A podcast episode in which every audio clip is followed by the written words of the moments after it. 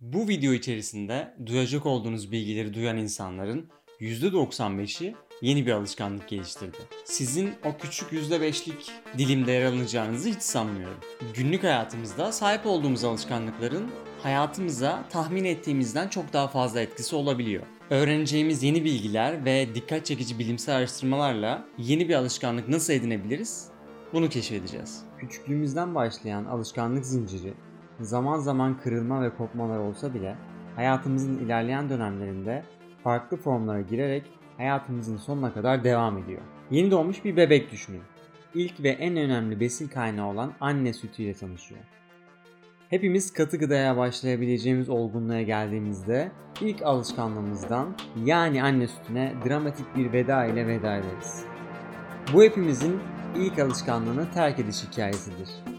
Maziyi kısaca andıktan sonra ben çok vakit geçirmeden esas sorumuzu sormak isterim. Neden alışkanlık geliştiriyoruz? Alışkanlıkları beyinlerimizin daha az enerji tüketerek çalışmasını sağlayan bir enerji tasarrufu modu olarak adlandırabiliriz. Beynimizin enerji tasarrufu modunda stabil çalışabilmesi için gerekli olan en önemli şeylerden biri nöronlardır. Sıfırdan yeni bir alışkanlık geliştirmek için belirli bir süre yok. Bu kişiden kişiye ve yapılan alışkanlık türüne göre değişkenlik gösteriyor. Ama bir davranışın alışkanlık haline gelebilmesi için yapılan çalışmalarda 21 gün gibi bir süreden bahsediliyor. Ama bu bir ortalama değer. Nöronlar beyin ve sinir sisteminde sinyal taşıyan hücrelerdir. Nöronlar arasındaki bağlantıları sinaps adı verilen yerlerde gerçekleşir. Nöronlar beyin ve sinir sisteminde bilgi taşıyan ve işleyen birimlerdir. Alışkanlık dediğimiz şey de beynimizdeki bu nöronların bir araya gelerek bir takım işleri daha hızlı yerine getirmesidir diyebiliriz. Hayatınızda hiç bisiklet sürmediniz ve ilk defa buna yeltenmek üzeresiniz. Bisiklet sürme deneyimi adına beyninizde herhangi bir kayıt yok. Bisikletinizin selesini boynunuza göre ayarladınız, üzerine bindiniz, ilk pedalı çevirdiniz. Beyninizde çok sayıda sinaps hareketi gerçekleşti. Bu süreçte beyninizde belirli sayıda sinir hücreleri arasındaki bağlantılar güçlendi ve yeni bağlantılar oluştu. Bu süreç öğrenme ve hafıza ile ilgili. Bisiklet sürme becerisini ilk kez deneyimlediğinde beynin motor korteks bölgesine yoğunlaşır ve bölgede bisiklet sürme hareketleriyle ilgili sinir hücreleri arasındaki iletişim artar. Artık belirli sayıda nöronlar bisiklet sürme adı altında bir araya gelip beynimizde gruplandılar. Düzenli bisiklet sürmeye başladığımız her gün artık bu sinaps gruplarında ilişkiler pekişmeye başlıyor. İlk sürüş için beyniniz yeni bir şey deneyimlediği için çok fazla enerji harcadı. Ama şu an herhangi bir bisiklete atlayıp dilediğiniz yere gidebilecek durumdasınız.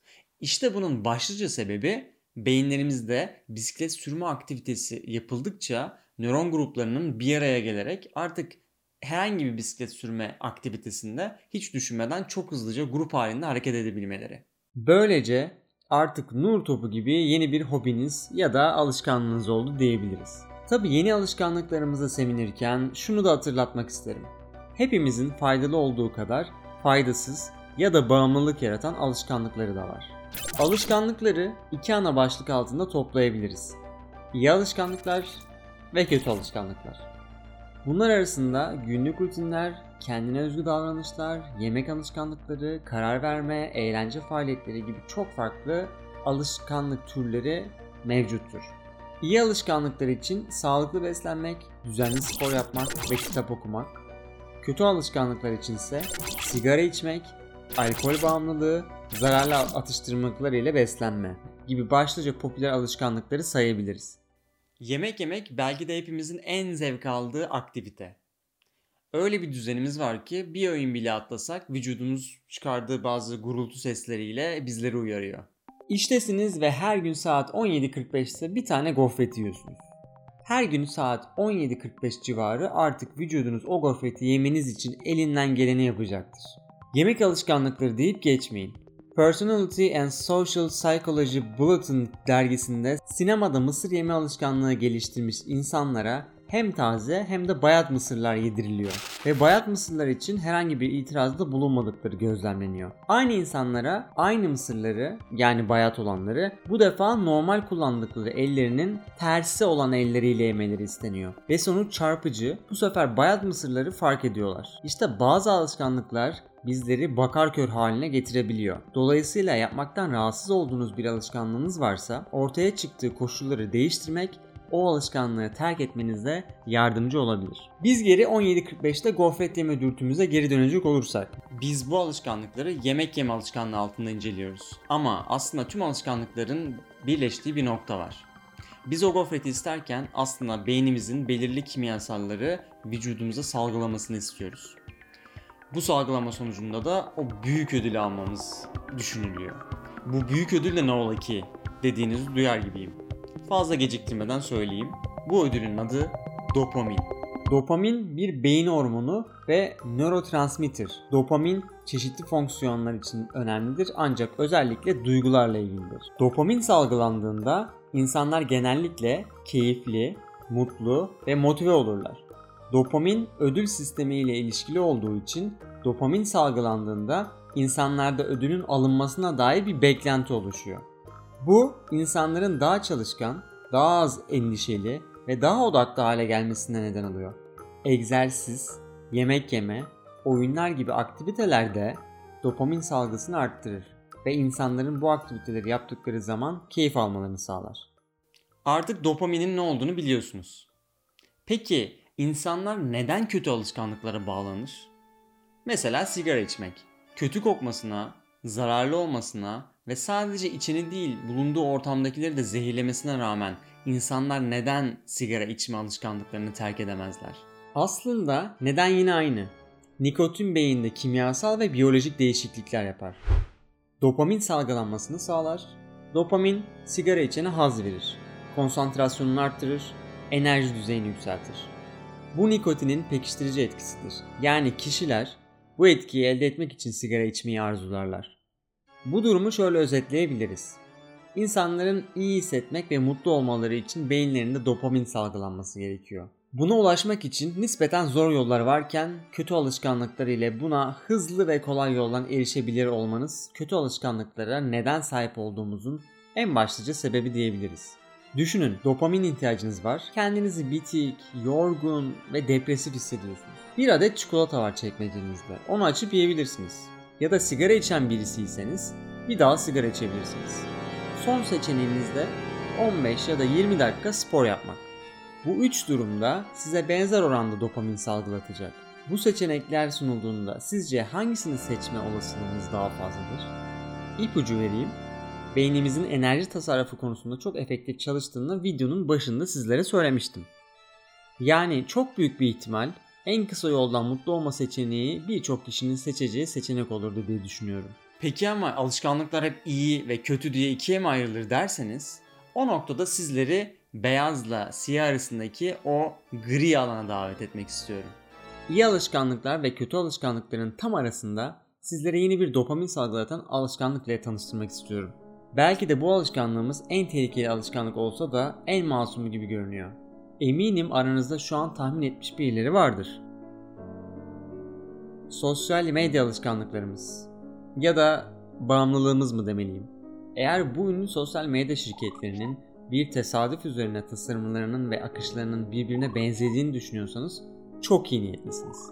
Çünkü hepsi kullanıcı deneyimi ve insanların psikolojik olarak rahatlatan özellikleri bilinçli bir şekilde geliştiriyorlar. Hepinizin kısa bir şeye bakıp çıkmayı planlayarak girdiği sosyal medya platformlarında dakikalarınızı harcadıktan sonra ''Aa ben başka bir şey için elime almıştım telefonu. Ne ara Instagram keşfetine düştüm?'' diye söylendiğiniz olmuştur.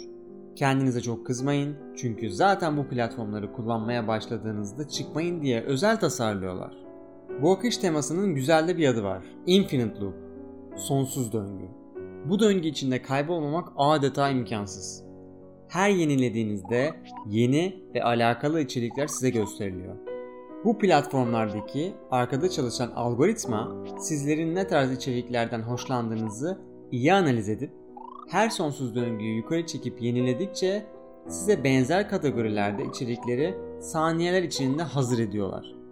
Beyinlerimiz her yenilemede hem bir haz duyuyor hem de sürekli sevdiği ve beğendiği içerikleri çok kolay elde ediyor. Şunu belirtmekte fayda var.